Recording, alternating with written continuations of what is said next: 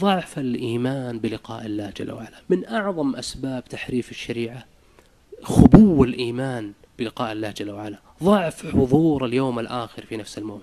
الله جل وعلا يقول وإذا تتلى عليهم آياتنا بينات قال الذين لا يرجون لقاء الله. انظر يشير الله إلى الدافع الذي جعلهم يقولون هذا القول. قال الذين لا يرجون لقاء الله ائت بقرآن غير هذا أو بدله هذه نفسها طروحة تجديد الخطاب الديني قديمة. ائت بقرآن غير هذا أو بدله لما قالوا ذلك؟ قال الذين لا يرجون لقاء الله.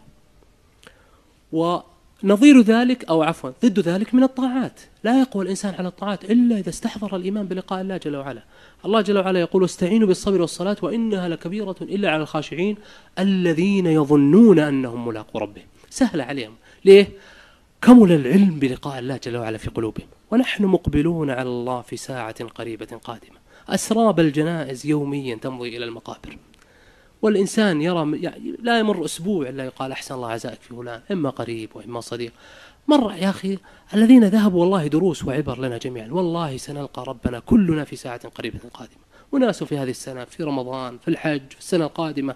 إذا امتلأ القلب بمثل ذلك أعرض عن كثير من الأمور بل تغيرت نظرته إلى طريقة تقييمه ومعاييره اختلفت جذريا. علم أن هذا كله دار مقر. الحياة السعادة الأبدية في الآخرة إما سعادة أبدية مليارات السنوات في قصور الجنة ونعيمة وإنما أو ذل وعذاب نفسي وجسدي في مليارات السنوات والعياذ بالله جل في في في نار جهنم. إذا امتلأ القلب بهذه المعاني نفت عن كثير من الشبهات ما احتاج إلى كثير من الردود. ومثل قول الحق تبارك وتعالى فلما جاوزه هو الذين معه قالوا لا طاقة لنا اليوم بجالوت وجنود ضعفوا ضعفوا عن العمل والجهاد قال الذين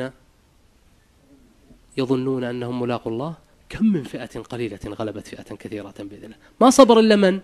الذين يظنون أنهم ملاقوا الله.